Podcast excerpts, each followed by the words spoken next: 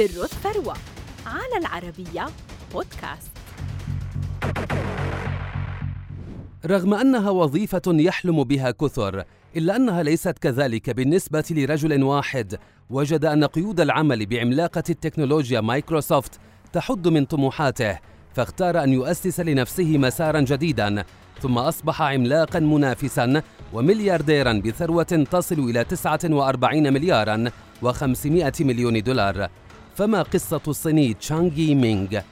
ولد تشانغ عام 1983 بمقاطعة فوجيان الصينية أولى مناطق الصين التي اتجهت للانفتاح على العالم فالتحق بجامعة نانكاي عام 2001 لدراسة الإلكترونيات ثم تحول لهندسة البرمجيات ليبدأ أول وظيفة له في شركة كوكسن التي تملك محرك بحث متخصصا في السياحة أظهر تشانغ قدرات متميزة في عمله وفي أقل من عامين أصبح مسؤولا عن نحو خمسين موظفا وتعددت مهامه ومع ذلك ترك العمل ليلتحق بمايكروسوفت لكن قيود العمل لم تناسبه فتحول لشركة فينفو المختصة بمنصات التدوين الصغيرة لكن طموحه دفعه لخطوة أكبر فاستحوذ على شركة كوكسن التي كان يعمل بها وجعلها أرضية له لإطلاق موقع 99fing.com مع ثورة الهواتف الذكية أيقن تشانغ أن الناس ستتحول عن أجهزة الحواسيب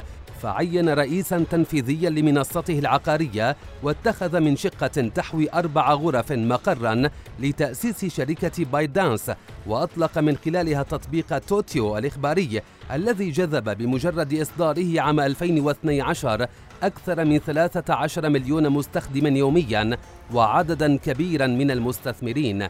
في عام 2016 أرادت شانغ الخروج والتخلص من النمط الإخباري فأطلقت بايت دانس تطبيق مشاركة الفيديو تيك توك المعروف باسم دوين في الصين حيث لاقى نجاحا بين جيل الألفية وانتشر عالميا لتقوم الشركة بخطوة أخرى وهي شراء منصة بث الفيديوهات Musical.ly الرائج ودمجته مع تطبيق تيك توك.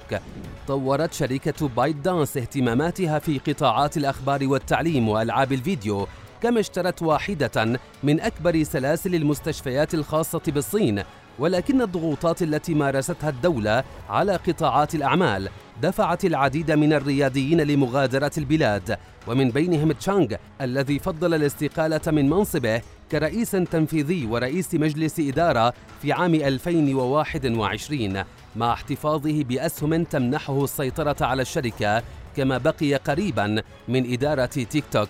بالإضافة للمضايقات المحلية تعرضت الشركة لضغوطات في دول أخرى. وفي عام 2020 هدد الرئيس الأمريكي آنذاك ترامب بحظرها. ورغم ذلك أصبحت من عمالقة الإنترنت حيث تضم نحو 150 ألف موظف ويبلغ تقييمها نحو 300 مليار دولار.